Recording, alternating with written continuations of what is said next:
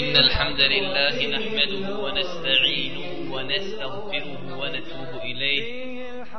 ونعوذ بالله من شرور أنفسنا ومن سيئات أعمالنا. من يهده الله فلا مضل له ومن يضلل فلا هادي له. وأشهد أن لا إله إلا الله وحده لا شريك له. وأشهد أن محمدا عبد الله ورسوله. بلغ الرسالة وأدى الأمانة. ونصح الأمة وجاهد في الله حق جهاده حتى أتاه اليقين فصلوات الله وسلامه عليه إلى يوم الدين ثم أما بعد Cijenjena braćo i poštovane sestre za one koji slušaju preko interneta, kao što je najavljeno, večeras ćemo, ako Bog da, progovoriti nekoliko riječi o propisima noćnog namaza ili, bolje kazano, adabima noćnog namaza, a kada završimo to, počet ćemo sa tematikom propisi vitra i inša Allah sutra bi trebali da to završimo. Što se tiče noćnog namaza, mnogo je hadisa koji ukazuju na vrijednost noćnog namaza. Znači za ovu braću koji zapisuju, kada budemo spominjali te adabe, bit će dosta hadisa, dovoljno je zapisati samo adabe kao adabe bez dokaza, jer ako bi zapisivali sve dokaze, odzelo bi nam dosta vremena, znači to nisu neki propisi, već su to više adabi i sunneti. A kada budemo govorili o propisima vitra, tada ćemo malo sporije govoriti kako bi se one bitnije stvari uspile zapisati. Što se tiče noćnog namaza, kazali smo da o njegovoj vrijednosti ima mnogo hadisa Božijeg poslanika, sallallahu alaihi wasallam, do te mjere da ima određen broj islamskih učenjaka koji smatraju noćni, na, noćni namaz sunne mu ekere, znači pritvrđenim sunnetom smatraju ustajanje na noćni namaz. Zbog skučenosti s vremenom mi ćemo spomenuti samo neke od hadisa koji ukazuju na vrijednost noćnog namaza, pa jedan od njih je hadis u muslimu od Ebu Hureyri radijallahu ta'ala anhu, da je Boži poslanik sallallahu alaihi wasallam kazao najbolji namaz nakon obaveznih namaza je noćni. Hadis kojeg je zabilježio ima muslim od Ebu Hureyri radijallahu ta'ala anhu, da je Boži poslanik sallallahu alaihi wasallam kazao najbolji namaz nakon obaveznih namaza je noćni namaz. Noćni namaz. Također hadis kojeg je zabilježio ima muslim od Džabira radijallahu ta'ala anhu da je kazao Boži poslanik sallallahu alaihi wasallam u toku noći ima jedan moment u kojem ako insan zatraži nešto od gospodara od dunjalučkih ili ahiretskih potreba bit će mu udovoljeno. Či Boži poslanik sallallahu alaihi wasallam nas postiči na noćni namaz i kaže u toku noći ima moment koji ako čovjek potrefi i u njemu nešto zatraži od Allaha subhanahu wa ta'ala bez razlike da li to bile neke dunjalučke ili ahiretske potrebe bit će mu udovoljeno. Možda se neko i zapita šta je tu razlog iz kojeg razloga je noćni namaz na tako visokom nivou i tako vrijedan. Pa odgovor bi mogli da damo i da kažemo iz tog razloga što je velik broj ljudi u toku noći u gafletu. Ljudi zapostavljaju ibadet. U toku dana ljudi klanjaju saba, pa podne, pa ikindiju, pa akšam, pa jaciju. Ljudi su konstantno u nekom ibadetu, ali u toku noći ljudi su u gafletu kada je u pitanju ibadet sve do sabaha. Zato je ovaj tolika vrijednost noćnog namaza. Također čovjek kada obavlja noćni namaz, on ga obavlja u kući. A ibadet u kući je sklonut od očiju ljudi i to je također jedan razlog zato što je ibadet u kući, znači bliži iskrenosti Allahu subhanahu wa ta'ala. Čovjek kada dođe u džamiju, možda postoji mogućnost da on to radi radi ljudi, ali čovjek kada klanja noćni namaz u svojoj kući, nema pred kim da se pretvara. I zato je nagrada noćnog namaza tolika.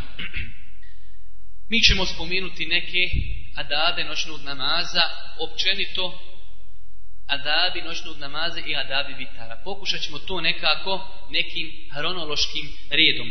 Pa prva stvar, znači čovjek je, zamislit ćemo, čovjek je zaspao i budi se, ustaje na noćni namaz. Prvu stvar koju će uraditi i prva stvar koja je po sunnetu jeste da spomeni Allahovo subhanahu wa ta'ala ime.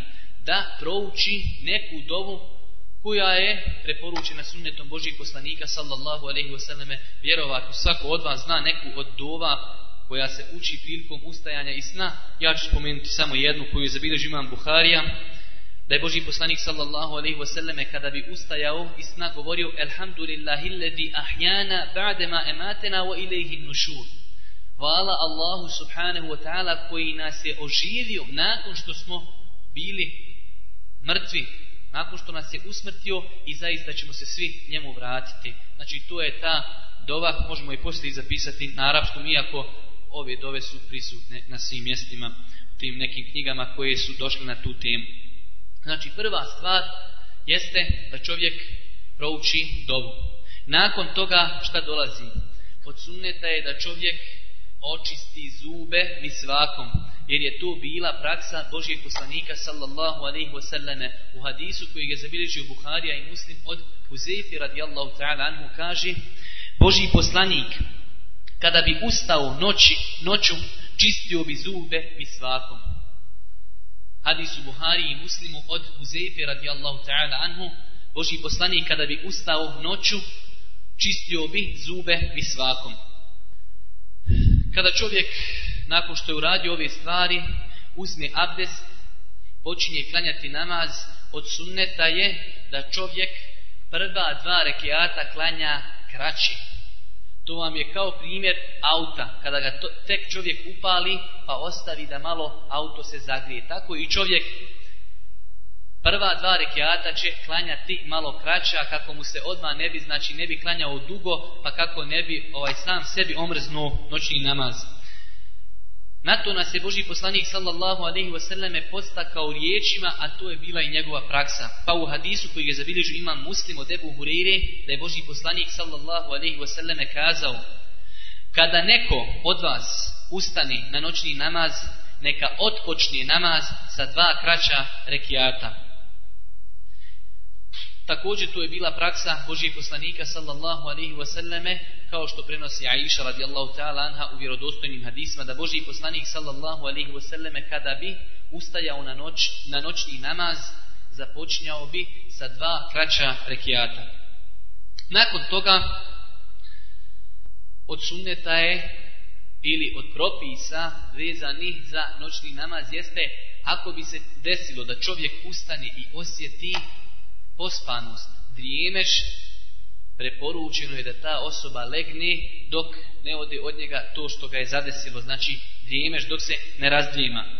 U hadisu kojeg je zabilježio Buharija i Muslim od Aisha radijallahu ta'ala anha da je Boži poslanik sallallahu alaihi wasallam kazao kada neko osjeti drijemeš u namazu neka legne dok ne ode to od njega. Jer možda neko od vas tjedni da istikvar donosi, a on sebe vrijeđa.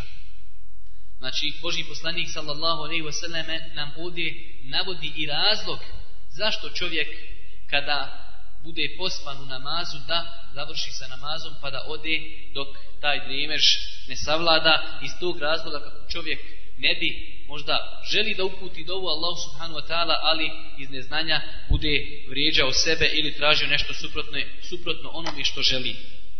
Također od sunneta je da čovjek kada ustane na noćni namaz da probudi i svoju porodicu, a na prvom redu se misli da probudi i svoju hanum.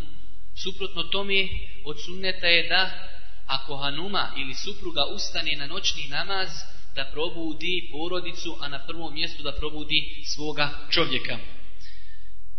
Poznat je hadis da je Boži poslanik sallallahu alaihi wasallam došao jedne prilike kod, a, a, kod Fatime i Alije, pa ih je zatekao kako spavaju, pa im je rekao, zar vi ne klanjate?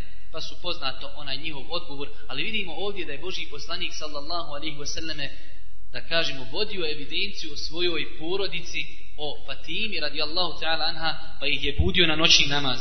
U drugom hadisu, kojeg je zabilježio imam Ebu Davud, a hadis je dobar, vjerodostojen od Ebu Huriri, da je Boži poslanik sallallahu alaihi wasallam kazao Allah se smilovao čovjeku koji ustane u noći pa klanja i probudi svoju hanumu pa ako odbije pospeje vodom u lice. Također Allah se smilovao ženi koja ustane noću pa klanja pa probudi muža, a ako odbije, pospije ga vodom u lice. Nećemo komentarisati, mislim da je komentar suvišan u svakom slučaju. Možemo zamisliti šta bi se desilo da žena na ovaj način, iako znači da postupi po sunnetu, da probudi svoga muža na noćni namaz. Ovaj, dobro, nakon što smo spomenuli ovih nekoliko adaba, postavlja se pitanje koji ćemo mi malo detaljnije spomenuti kada budemo govorili o klanjanju vitr namaza, ali kada je najbolje da čovjek ustane i da klanja noćni namaz? Najbolje vrijeme je da čovjek klanja noćni namaz nakon polovine noći. U hadisu koji je zabilježio ima muslimu od Ebu Hureyri radijallahu ta'ala anhu da je Boži poslanik kazao naš gospodar se spušta svake noći na ovo zemaljsko nebo. Kada nastupi zadnja trećina i govori ko mi dovu čini da mu se odazovem ili da mu udovoljim, ko traži oprost pa da mu oprostim. Zbog ovog hadisa islamski učenjaci kažu da je najbolje vrijeme da čovjek ustane poslije pola noći i da klanja noćni namaz, iako ovaj hadis je došao u različitim predajama, u vjerodostojnim predajama ovog hadisa stoji također da Allah Đelešanu se spušta, nakon, spušta na ovo zemaljsko nebo nakon polovini noći. Također, od adaba klanjanja noćnog namaza jeste da čovjek onaj koji klanja noćni namaz uzme sebi određen vremenski period ili određen broj rekiata i da klanja i onoliko koliko će moći izdržati i u ostalim danima. Da ne bude čovjek jednu noć klanja 13 rekiata, sutra ne ustane nikako, zato što je se umorio. Već da čovjek uzme onoliko koliko će moći konstantno obavljati. Nije to znači, nismo rekli da je vađib ili obaveza, a zato kažemo to je od adaba, da čovjek ako zna da može klanjati četiri, da klanja četiri i sutra ako Bog da, da može klanjati četiri i tako da nastavi. A ne da klanja jednu noć, da se isforsira, klanja 13, 11, klanja džuz i onda mjesec dana ne ustane nikako. Boži poslanik sallallahu alaihi wasallame u hadisu koji je zabilježio Buharija i Muslim kaže uzmite od dijela onoliko koliko možete izdržati Allahu neće dosaditi dok vama ne dosadi. Uzmite od dijela onoliko koliko možete izdržati, Allahu neće dosaditi dok vama ne dosadi. Također jedna bitna stvar, a zasigurno zapostavljena kod velikog broja nas od adaba, jeste da čovjek kada krini spavati, pohvalno je da čvrsto odluči da će ustati na noći nama da čvrsto odluči da će ustati na noćni namaz. Zašto to?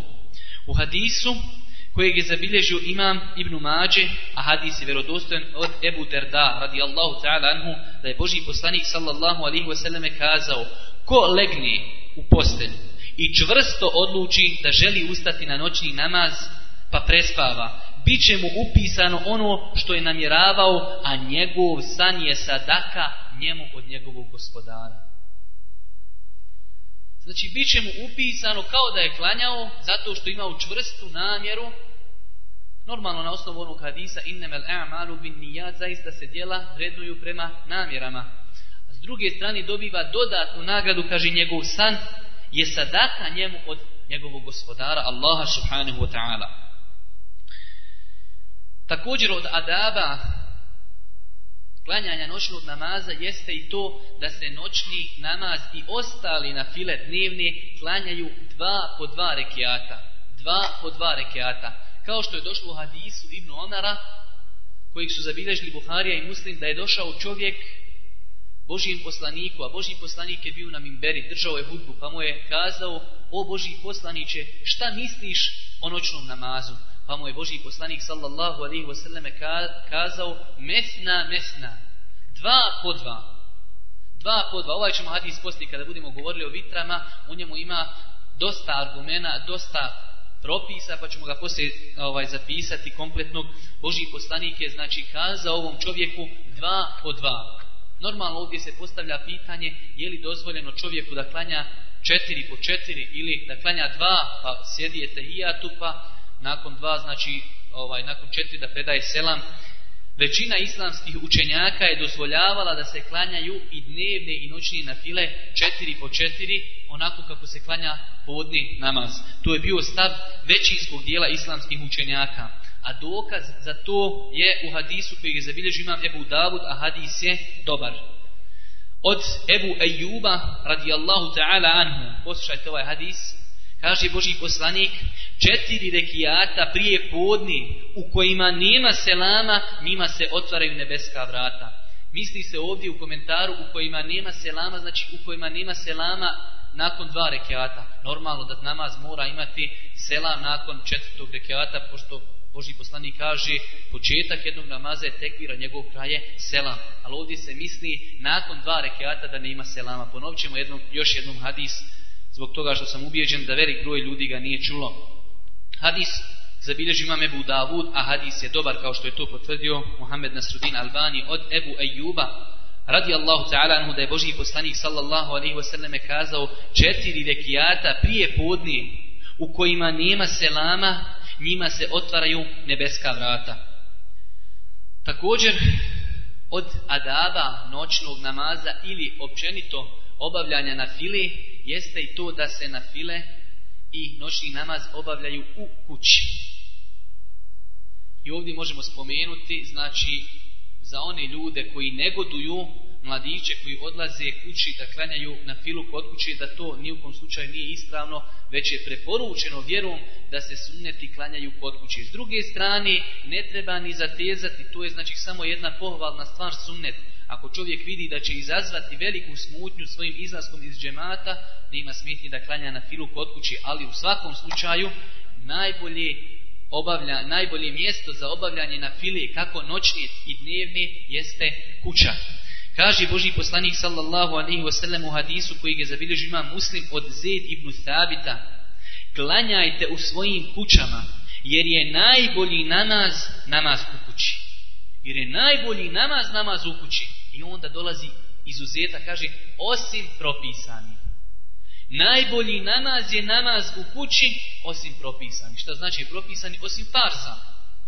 Problem je kod naših naroda što ne pravi razliku između farza i sunneta, pa misli kada se kaže riječ propisani, da se za podne misli deset rekiata. Ne, podni namaz je četiri rekiata obavezna, a ono što se ostalo uklanja to su sunneti. Također kada govorimo o adabima na file i noćnog namaza možemo spomenuti i to da nema smetnje da se na fila klanja ponekad u džematu, džematile. S tim da se to ne uzme za običaj. Da čovjek svaku noć sabire momke i klanjaju svaku noć džematile. Ali ako se to desi ponekad, onda je to inšala ispravno, jer je se dešavalo Božijem poslaniku sallallahu alihi wasallame da je klanjao na filu u džematu. Primjer hadisa u Buhari i muslimu od Ibnu Abbasa kada je noćio kod tetke Mejmune, pa je Boži poslanik ustao pa mu se on priključio. Poznati hadis također u Buhari i muslimu Denesa, radijallahu ta'ala anhu, da je Boži poslanik došao kod njih kod kuće, pa je klanjao na filu, pa je klanjao kraj njega Enes radijallahu ta'ala anhu, a njegova majka iza njega i Božih poslanika. I još neki hadisa gdje se vidi da je dozvoljeno na filu ponekada klanjati u džematu, ali da se to ne uzme za običaj. Također jedna stvar koja je zasigurno velikom broju ljudi nepoznata, a to je također edeb, znači od sunneta lijepo je da čovjek uskladi svoj namaz vremenski. Šta to znači? Da ako čovjek dugo uči kirajet, onda treba da dugo, znači sunnet je da dugo ostani i na ruku i na seđdi ako suprotno tomi, ako kratko uči kirajet, onda će kratko biti i na ruku i na seždi. Znači da njegov, njegov namaz ima neku harmoniju, znači da je to sve otprilike. Ne čovjek, znači nema smetnje, ali govorimo šta je sunnet i šta je pohvalno. Čovjek možda 15 minuta uči kirajet i onda bude samo 3 sekunde na ruku. To nema harmonije, znači dugo je bio na kijamu, a kratko na ruku. Već ako čovjek želi da uskladi namaz onako kako je Boži poslanik radio, onda treba da sve radnje budu od prilike iste. Ne u smislu dužinom, već ako odužiš e, kijam, onda oduži i ruku i seđdu. I tako, ako znači skratiš kirajet, onda skrati i boravak na ruku i na seđdu. Ali ako bi čovjek uradio suprotno tome, to je sve ispravno, govorimo ovdje o adabima, o adabima, jer je tako izgledao Boži poslan, e, namaz Božijeg poslanika, jer su ga tako opisali njegovi ashabi u vjerodostojnim hadisima Buhari i muslima. Također jedan od propisa koji se veže za noćni namaz jeste da je dozvoljeno klanjati noćni namaz sjedeći.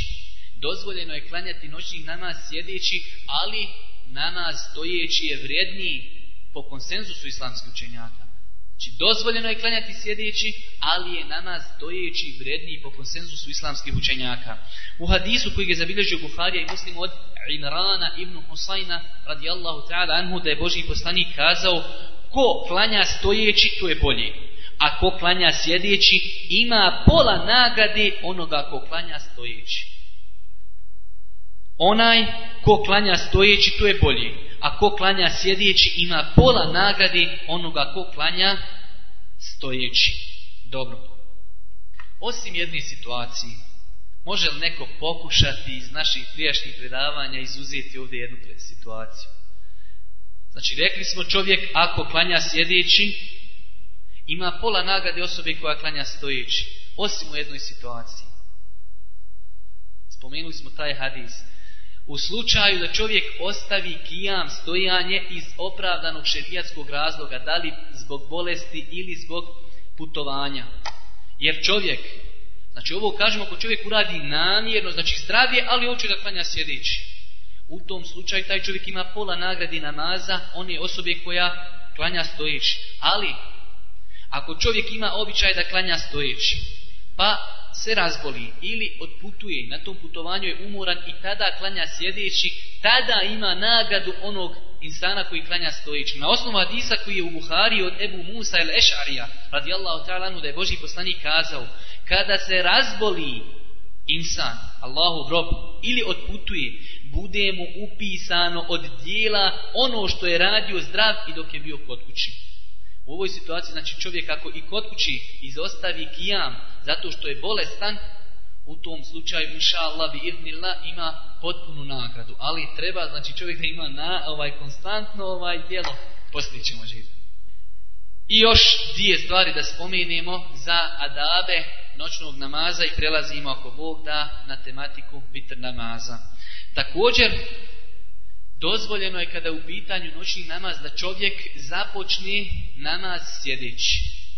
Pa kada bude blizu odlaska na ruku, prije nego što ostane nekoliko ajeta, da ustane i da onda nastavi ostali dio namaza, klanjati, znači stojeći, a opet kada bude na ovaj kirajtu da opet sjedi. Tu je znači stvar dozvoljena i tu je potvrđeno sunnetom Božih poslanika sallallahu alaihi wasallam.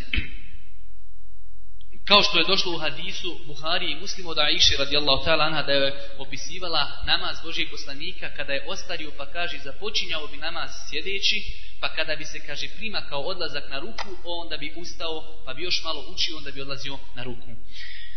Prije, malo prije smo spomenuli jedno pitanje a to je klanjanje sjedeći. I ovdje treba spomenuti jednu ovaj e, fiksku meselu i pitanje a to je na koji način način će čovjek sjediti kada klanja ovaj na filu namaz. Znači, zapamte jedno pravilo, svaki način, kako god čovjek da sjedi je ispravno. Svaki način, ali islamski učenjaci se razilazi šta je najbliže sunnetu i šta je najbolji. Ali kako god da bi čovjek sjedio, sjedio, kako god da bi sjedio i klanjao, inšala, njegov namaz je ispravan. Ali se islamski učenjaci razilazi koji način sjedinja je najbolji. Neki od ulemi kažu da je najvrijednije sjediti, kako ono kod nas narod kaže, ne znam da li u vas u Ukrajini kažu, sjedinje turski. Znači da čovjek ovaj podavije noge i da ih prekrsti. Za oni koji ne znaju šta znači turski, znači da čovjek podavije noge, jest, da čovjek podavije noge i da ih prekrsti. Ovaj, to je sjedinje, ovaj, kako se zove, kako Arapi zovu mutarabbi'an. Zato ćemo naći u hadisu kojeg je zabilježio imam Ennesai od Aiši radijallahu ta'ala anha. Vidjela sam poslanika da klanja mutarabbijan znači da sjedi turski i tako klanja podavijenih i prekrštenih nogu podavijenih i prekrštenih nogu na osnovu ovog hadisa znači moglo bi se kazati da je ovo sunnet ali u svakom slučaju ako bi čovjek sjedio na bilo koji drugi način ovaj, inšala ispravno je kao što je to spomenuo Imam Ešeukani u svojoj knjizi Nebul Eutar, gdje kaže svaki način je ispravan, ali, znači, islamski učenjaci razilazi oko toga šta je najprioritetniji. Dobro. Evo, otprilike smo potrošili pola sata u ovo naše uvodno predavanje. Sada ćemo početi govoriti, inša Allah, o propisima vitr namaza. Propisi. Sada govorimo o propisima. Normalno spomenut mi tu i adaba, ali je konkretno sada govorimo o propisima. Braćo moja draga, ova tema zasigurno u životu svakog čovjeka muslimana treba da zauzima visoko mjesto. Zašto? Zato što vitr namaz je namaz koji se ponavlja svakim danom. A čovjek musliman treba da se poduči propisima vjere od one propisi koji mu trebaju svakodnevno. Tako znači jedan od propisa koji te kako bitno i zašto sam ga ja izabrao da govorimo o njemu jeste i vitr namaz. A poznato mi je i velik broj braći postavljaju pitanja kada su u pitanju vitre, tako da sam odlučio da ih malo, da kažemo, odradimo ovaj studiozno, da to bude malo opširno, da spomenemo od prilike što bi trebalo da se spomene kada su pitanje u pitanju vitr, namaz ili vitre, takozvani kod nas. Na bitnost ove tematike ukazuje to da su islamski učenjaci po pitanju propisa vitara, znači da propis vitara je li obavezno sunnet, mekruh, muba, zauzeli su dva stava. Pa većina islamskih učenjaka je kazala da je to pritvrđeni sunnet. A imam Ebu Hanife je smatrao da je to vađib. U jednoj predaji od njega čak je smatrao tu farzom, a i treća predaja postoji od njega da je smatrao vitr namaz sunnetom. Ali najjača predaja, znači na koju je hanefijski mezheb, jeste da je smatrao imam Ebu Hanife vitre vađivom. Ovo, braću moja draga, zasigurno ukazuje na bitnost ove tematike, jer ako ovaj i kažemo da su vitre pritvrđeni sunnet, onda u svakom slučaju je to stvar koja ne bi trebala da bude propuštena od strane muslimana. Zato da rezimiramo i da počnemo prva stvar, prvo pitanje, propis vitara. Islamski učenjaci po tom pitanju imaju dva stava. Velika, velika, velika većina islamskih učenjaka smatrala je da su, da su vitre sunnet pritvrđeni. Među tim učenjacima se nalazi i dva najveća učenika imama Ebu Hanife, Ebu Jusuf, poznati Kadija, i Muhammede Šeibani. Znači, Ebu Hanife je jedini ovaj zastupao stav da su vitre važiv kada je u pitanju njihov mezeb. Dok, znači, Ebu Hanife prenešena su od njega tri rivajeta po propisu vitara, ali najjači rivajet je da je smatrao vitre vađivom. Vađivom. Dobro, mi ćemo na samom početku spomenuti neke argumente koji ukazuju na to da vitre nisu vađive. Kada odgovorimo na to da nisu važiv, preostaje nam samo da spomenimo onda dokaze koji ukazuju na to da vitre nisu obični sunnet. Da neko ne pomisli da omalovažavamo sunnet. Sunnet ima svoje mjesto. Ali zato učenjaci kažu sunnet mu eker. Znači pritvrđeni sunneti koji su na većem nivou od običnog sunneta.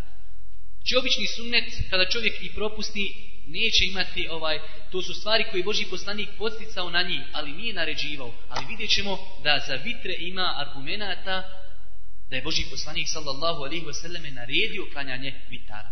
Ali, znači da krenemo tim nekim redom, prvo ćemo spomenuti nekoliko argumenta, iako ima više, spomenut ćemo nekoliko argumenta koji ukazuju da vitre nisu vađene.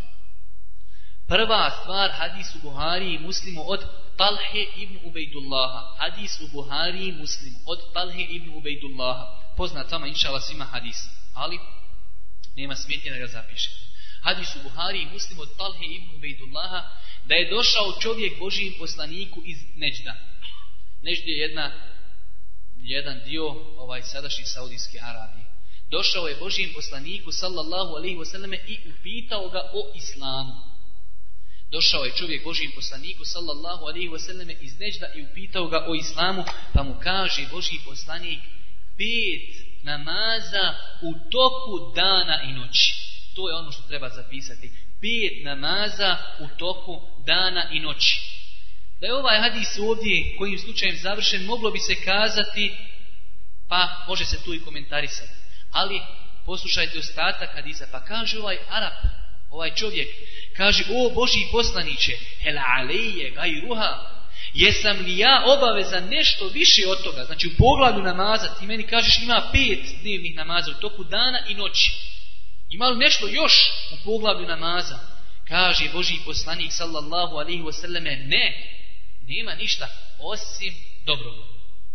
Ako ti želiš da povećaš, da klanjaš pritvrđene sunnete, da klanjaš duha namaz, da klanjaš noćni namaz, da klanjaš i vitre, sve je to dobrovoljno. Nije obavezno. Na osnovu ovog hadisa uzimamo da u toku dana čovjek musliman je obavezan da klanja pet vakata namaza. Nema šestog. Kako bi kazali da su vitre vađib, onda bi kazali u toku dana je obaveza klanjati šest namaza. A Boži poslanik nam kaže da je obaveza klanjati pet. Na osnovu toga, znači smatramo da vitre nisu vađi. Dobro, možda nekome nije 100% to jak odgovor, da vidimo drugi odgovor. Također, pazite, prvi hadis u Buhari i Muslimu. Drugi hadis u Buhari i Muslimu od Ibnu Abbasa radijallahu ta'ala anhuma. Hadis poznat svima mama, hadis koji je prepun koristi kada je Boži poslanik poslao Mu'ata radijallahu ta'ala anhu u Jemen. A poznato je da je slanje Muaza radijallahu ta'ala anhu u Jemen bilo pred kraj sami života Božih poslanika. Znači to je ono kada je se vjera već upotpunila. Završeno je propisivanje propisa. Boži poslanik je slao Muaza kao kadiju u Jemenu. Jest, mu, ne, hadis je od Ibnu Abbasa, ali je priča o, mu, o, o Muazu radijallahu ta'ala anhu. Pa kaže na početku hadisa, ovaj hadis, o njemu bi se moglo držati predavanje ili više. Kaže Boži poslanik, u Mu'aze, ti ideš narodu koji su sljedbenici, znači knjige, Ehlul Kitabije, pa prvo što ćeš ih pozivati, pozovi da vjeruju Allah subhanahu wa ta'ala. Prva stvar. Kaže Boži poslanik, ako ti se oni odazovu u tome, onda ih poduči i objasni im da im Allah Đelešanu naređuje, naređuje da klanjaju pet vakata namaza u toku dana i noći. Opet hadis nedvosmislen, ne može se drugčije shvatiti osim da u toku dana ima pet namaza koji su obavezni.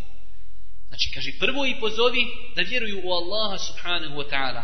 Pa pogledajte, kaže, a ako ti se odazovu, zato kažemo u ovom hadisu, gledajući sa aspekta dave i misionarstva, postoje mnoge koristi. I s aspekta fikha, s aspekta akide, sa svakog aspekta ovaj hadis je, mašallah, pun koristi. Pa kaže Boži poslanik, a ako ti se odazovu, objasni im, poduči da im Allah Đelešanu propisuje pet vakata namaza u toku dana i noći. Pa onda kaže, pa ako ti se odazovu, poduči propisima zekijata i do kraja hadisa. Ali nama je bitno da zapišemo ovo, ako ti se odazovu u tome da vjeruju Allaha, poduči, poduči da ima, da Allah Đelešanu naređuje pet vakata namaza u toku dana i noći. Ovo je također hadis jak zašto? Iz razloga što se desio na kraju života Božih poslanika sallallahu alaihi wasallam. I treći hadis koji je također zasigurno jak argument, a i on je u Buhari i Muslim od Ibnu Omera radijallahu ta'ala anhu, kaže Boži poslanik sallallahu alaihi wasallam je klanjao vitre na jahalici. Dobro, je to kraj? Nije. A kaže, a ne bi klanjao na njoj obavezni namaze. Ibn Omer kaže, Boži poslanik sallallahu alaihi wasallam bi klanjao vitre na, jaha, na jahalici. A mi smo pro, spominjali propise znači klanjanja namaza na jahalici, kazali smo da se može klanjati samo na fila. Ali i ovdje to Ibn Omer pojašnja pa kaže, a Boži poslanik sallallahu alaihi wasallame ne bi klanjao na jahalici, znači obavezni namaze farze. Dobro, ova tri argumenta su zasigurno jaki argumenti koji ukazuju da u toku dana, znači čovjek musliman je obavezan da klanja pet vakata namaza i ukazuju na to da vitre nisu vađive. Dobro, da pogledamo drugu stranu, to jest argumente koji ukazuju na propisanost i obaveznost klanjanja vitara. Prvo, prije nego što krenemo govoriti o tim hadisma, treba da znamo da velik broj hadisa s kojim dokazuju učenjaci da su vitre obaveza su daif hadisi, velik broj. Ali treba priznati i realan biti da postoji tu ovaj broj određenih hadisa koji su vjerodostojni, a njihova vanština je takva da ukazuju da su vitre obavezne. Pa ćemo spomenuti neke od tih vjerodostojnih hadisa, a ukazat ćemo na neke koji nisu vjerodostojni.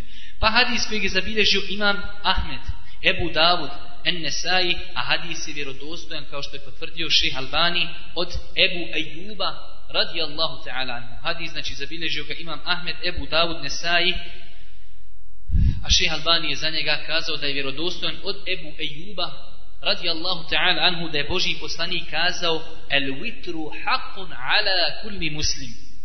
Vitre su obavezne svakom muslimanu vitre su obavezne svakom muslimanu.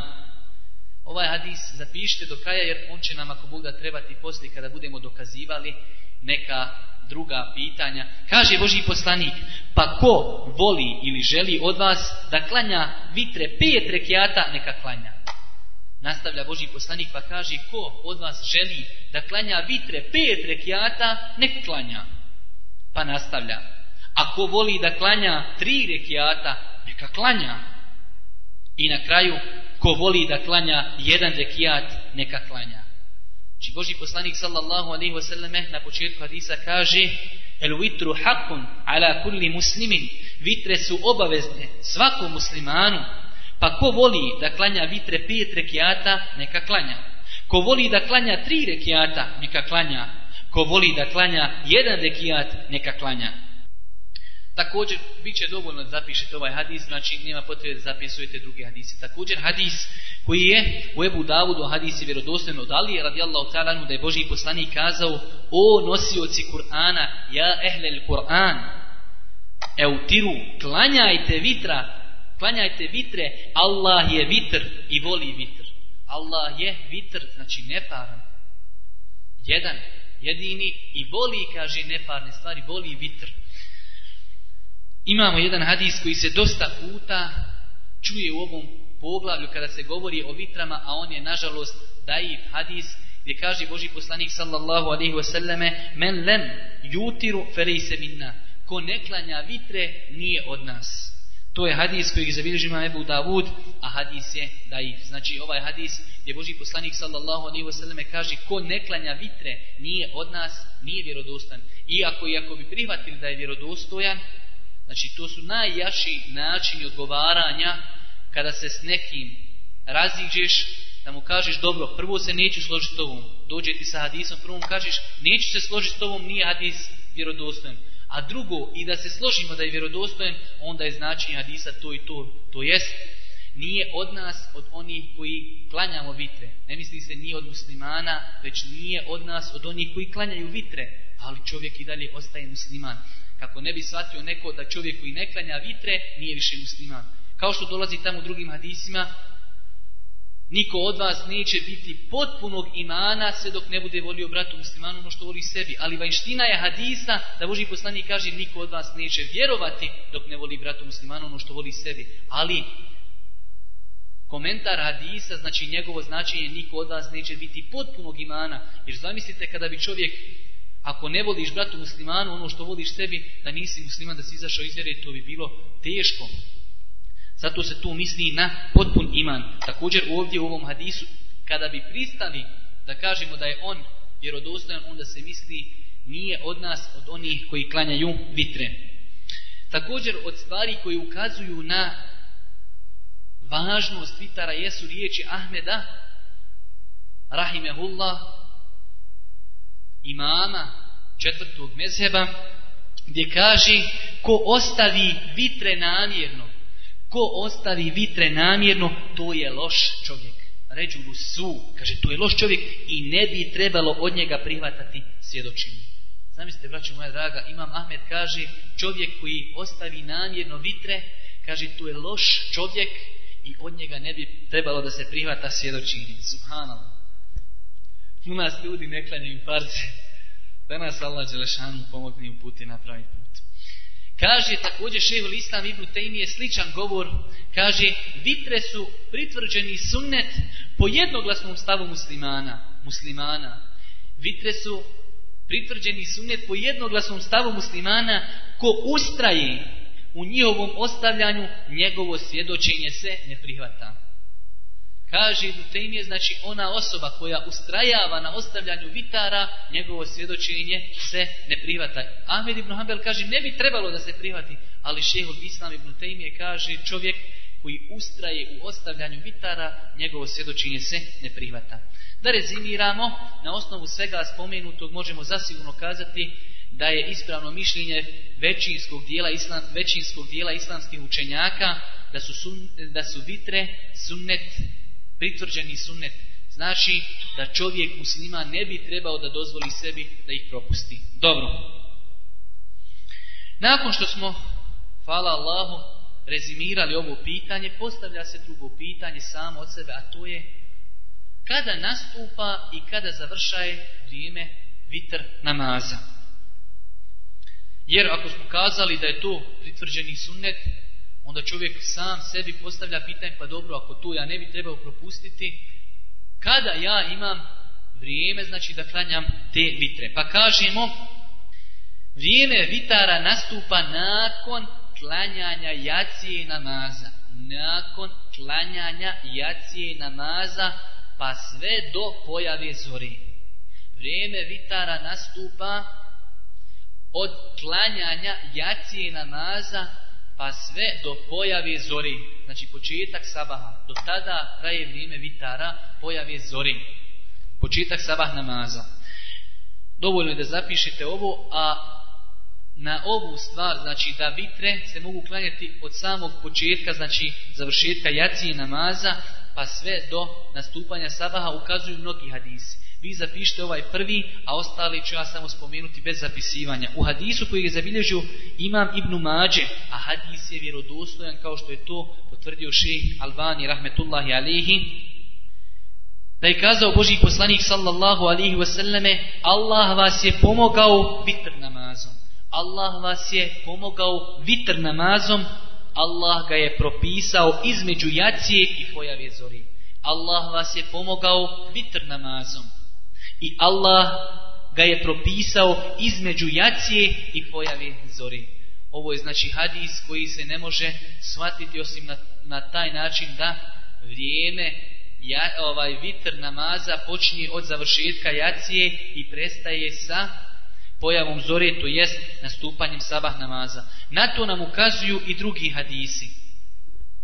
Znači Boži poslanik s.a.v. je kazao Allah vas je pomogao vitr namazom, Allah ga je propisao između jacije i pojave zori. Također na ovu stvar ukazuju i drugi hadisi koji se nalaze u Buhari i Muslimu, pošto ovaj hadis nije u Buhari i Muslimu, ali je vjerodostojan. Znači kazali smo, hadis Ibnu Omera kojeg smo malo prije spomenuli, ali ga nismo spomenuli kompletno. Kada je došao onaj čovjek dok je Boži poslanik bio na Minberi, Pa je pitao Božih poslanika šta misliš o noćnom namazu, pa kaže Božih poslanik mesna, mesna. Fe iza hašije ehadukumu subha salla wahideten fe kad eutarat lehu ma, sal, ma kad salla. Kaže, noćni namaz je dva po dva. Pa kada se neko od vas poboji nastupanja zori, kaže, klanja će jedan rekijat i time će učiniti neparnim taj svoj namaz, to jest neparnim činit će ga vitrom, znači završit će svoj vitr namaz. Vidimo ovdje da kaže Boži poslanik, a ako se poboji zori, nastupanja zori, kaže klanjaće jedan rekiat i time će učiniti neparnim ono što je on klanjao. Vidimo da Boži poslanik ograničava vitr namaz sa nastupanjem zori. Također, drugi hadis koji je ovaj može se koristiti kao argument da je vitr namaz se proteže od jacije do pojave zori, jeste hadis u muslimu da iše, poslanik bi klanjao između jacije i sabaha 11 rekiata. Predavao bi selam nakon svaka dva i završio bi sa jednim rekiatom. Dobro, mislim da smo spomenuli do, dovoljno argumenta koji ukazuju na to. Sada se postavlja jedno pitanje i pitanje koje je često. A to je, vezano je za tematiku prošlog predavanja. Ako čovjek bude musafir i spoji namaze, Ako ispoji, znači akšan i aciju, govorimo o akšanu i aciju, ako ispoji u drugom namaskom vremenu, nema smetnju da da klanja vitre odmah nakon jaciju, jer je to vrijeme vitara. Ali šta ako čovjek spoji akšan i jaciju u akšanskom vremenu? Tada se postavlja pitanje, tada ljudi zovu sa putovanja, šeh, možemo li klanjati vitre? Ispravno, inšala, mišljenje je da je dozvoljeno klanjati vitre odma nakon, zato smo gore i kazali, nakon klanjanja jacije namaza. Nismo kazali nakon nastupanja jacijskog vremena. Već smo kazali kako bi obuhvatili malo širi pojam nakon klanjanja jacije namaza. U ovom slučaju čovjek je klanjao jaciju namaz i ako mu je Allah Đelešanu dozvolio da farz klanja u vremenu akšama, pa onda da vitre koje nisu obavezne, koje su kako smo rezimirali, pritvrđeni sunnet, da njih klanja čovjek prije nego što nastupi jacija, da je to dozvoljeno, mnogo je preći. Ovo je stav bio šafijski, pazite ovo, sad postavit jedno pitanje, morate znati odgovor na njega. Ovo je bio stav šafijske i hambelijske pravne škole. Malikijska pravna škola je to ovaj smatrala zabranjenim. Zašto ovdje nema ovaj mišljenja hanefijske pravne škole? Kazali smo Jest. Zato što Hanefijska pravna škola kaže kod nas nema uopšte spanje namaza i kod nas nema ovaj ovog pitanja uopšte. Zato, znači imamo tri mezheba, dva mezheba šafijski i ambelijski kažu da je dozvoljeno. Tog stava je i stalna komisija u Saudijskoj Arabiji i to je bio stav šejh Lifemina rahmetullahi alihim. Znači, a dok je to malikijski mezheb smatrao neispravnim. Dobro, Imamo, braću, još nekoliko pitanja, inšala, završit ćemo brzo. Završili smo koliko pitanja? Spomenuli smo propise vitr namaza. Pa smo onda spomenuli vrijeme vitr namaza. Pa smo spomenuli šta čovjek ako klanja akšam i jaciju u akšamskom vremenu, znači prije vremena. E šta ćemo sa onim čovjekom koji ne klanja vitre pa on produži, znači poslije sabaha, čovjek ustane, probudi se, probudi ga, ezan sabahski, nije klanjao vitre. Ovdje imamo dva pitanja. Prvo pitanje, pošto su vitre sunnet, muekede, tako smo kazali, uopšte, da li treba to naklanjavati? Prvo pitanje, da li treba naklanjavati? Ako kažemo treba, ako, prvo, ako kažemo ne treba, nema dalje pitanja, ne treba i završeno. Ali ako kažemo treba, postavljaju se dodatna pitanja do kada se mogu naklanjavati i kako ih naklanjati. Da li ih naklanjati neparno, onako kako se klanjale na veći, ili ih klanjati parno. Pa počinjemo ako Bog da po redu. Prva stvar, da li ćemo naklanjavati vitre iz razloga, zašto ovo govorimo? Zato što su vitre sumnete. Da su vađib, znači to je nešto drugo opet imaju razilaženje kod uleme da li čovjek ako namjerno propusti namaz, da li ga naklanja, ako ne namjerno prespi, znači nema nikakvog razilaženja kod farza, da se farzi koji se nenamjerno ostavi da se treba i naklanjati. Dobro. Vitre po većini islamskih učenjaka, a to je bio stav četvorice imama, se naklanjavaju. Znači četvorica imama su smatrali to da se vitre naklanjavaju. Iako je bilo znači učenjaka koji su smatrali da se vitre ne naklanjavaju. Ali pošto nije neko krupno pitanje, mi ćemo se zadovoljiti time da spomenemo samo da četvorica imama su smatrali da se vitre naklanjavaju. Dokaz tome, dokaz tome je u hadisu koji je zabilježio imam Ebu Davud, a hadis je vjerodostojan. Svaki put kada kažemo im a hadis vjerodostojan u ovim zbirkama koje nisu Buhari i Muslimu, postoje ljudi koji su taj hadis ocijenili vjerodostojnim, ali da ne bi ovaj gubili vrijeme svaki put spominjali je to a, Ših Albani ili je to Šuajba Arnaut ili neko drugi imam Zehebi ili Hafiz ibn Hajar ako kažemo hadis je vjerodostojan onda znači neko je od velikih islamskih učenjaka hadijskih eksperata kazao da je taj hadis vjerodostojan. Hadis u Ebu Davudu vjerodostan od Ebu Se'ida radijallahu ta'ala anhu da kaže Boži poslanik ko prespava vitr Hadis znači baš u onoj temi u kojoj nama treba. Ko prespava vitr ili ih zaboravi, neka ih klanja kada se sjeti. Ko prespava vitr ili ih zaboravi, neka ih klanja kada se sjeti. Znači ovaj hadis je, ajde da kažemo, nedvosmislen u tom pogledu da čovjek ako prespava vitre ili ih zaboravi, da će naklanjati vitre. Dobro, nakon što smo to spomenuli, ostaje nam ono drugo pitanje, a to je kako će čovjek naklanjati vitre. Po ovom pitanju islamski učenjaci Imam Ševkani u poznatoj knjizi Neilul Autar navodi osam različitih mišljenja. Kako će čovjek naklanjati i do kada? Osam različitih mišljenja. Mi ćemo preferirati jedno i izabrati da ne bi spominjali svih tih osam mišljenja. Mislim da je preopširno i mislim da nema potrebi. Znači izabrat ćemo inšala jedno za koje postoji validan argument i time ćemo se inšala i zadovoljiti mišljenje koje je po meni najjači jeste da će se vitre naklanjati parnim brojem. Da će se vitre naklanjati kada ih, normalno kada se čovjek sjeti da ih je izostavio, ali će ih klanjati parnim brojem. Šta znači parnim brojem?